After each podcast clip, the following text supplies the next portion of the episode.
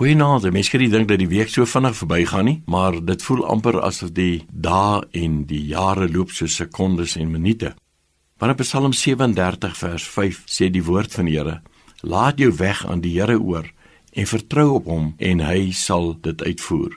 Laat jou weg aan die Here oor.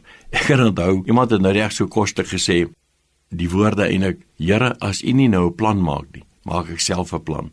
En ons is so as mens geneig om Maar as dinge nie gebeur nie, maar soms ons eie plannetjies gou uit te werk en dan vir die Here te vra dat die Here dit sal seën.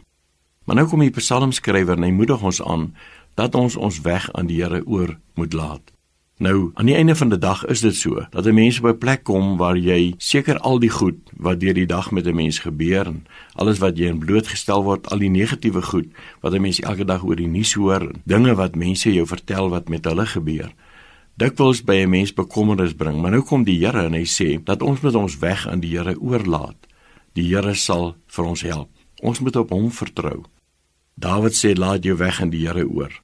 Dit is eintlik 'n groot geloofsdaad om te besef en te weet dat ek die Here kan vra dat die Here met my sal wees baie keer wanneer mense alleen is en ek het so baie al gehoor dat mense sê dat wanneer dit donker word dan word hulle bang of wanneer die duisternis aanbreek dan weet nie wat om te doen nie.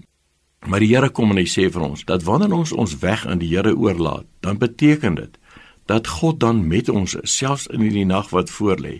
Ek dink vir baie mense is dit 'n groot bekommernis. Ek kan onthou in die hospitaal by geleentheid het 'n dame vir my gesê dat wanneer die aand aanbreek, is dit asof die pyne meer word.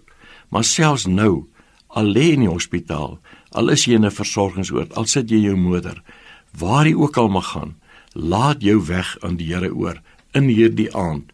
Jy weet, so baie mense reis in die aand. Hulle is dalk nou nie by 'n plek waar hulle kan kom en sê ons kan nou lekker gaan slaap nie. Hulle moet werk en hulle moet besig wees en noodsaaklike dienste uitvoer.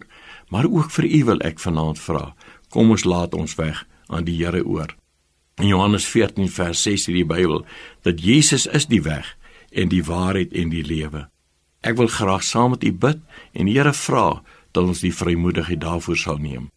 Hemelse Vader, ons sê vir u baie dankie dat ons ook vandag kan kom en in hierdie aand kan kom en afsluit met die gedagte, Here, dat ons ons weg aan die Here kan oorlaat. Versterk en seën elkeen in hierdie aand is ons gebed in Jesus naam. Amen.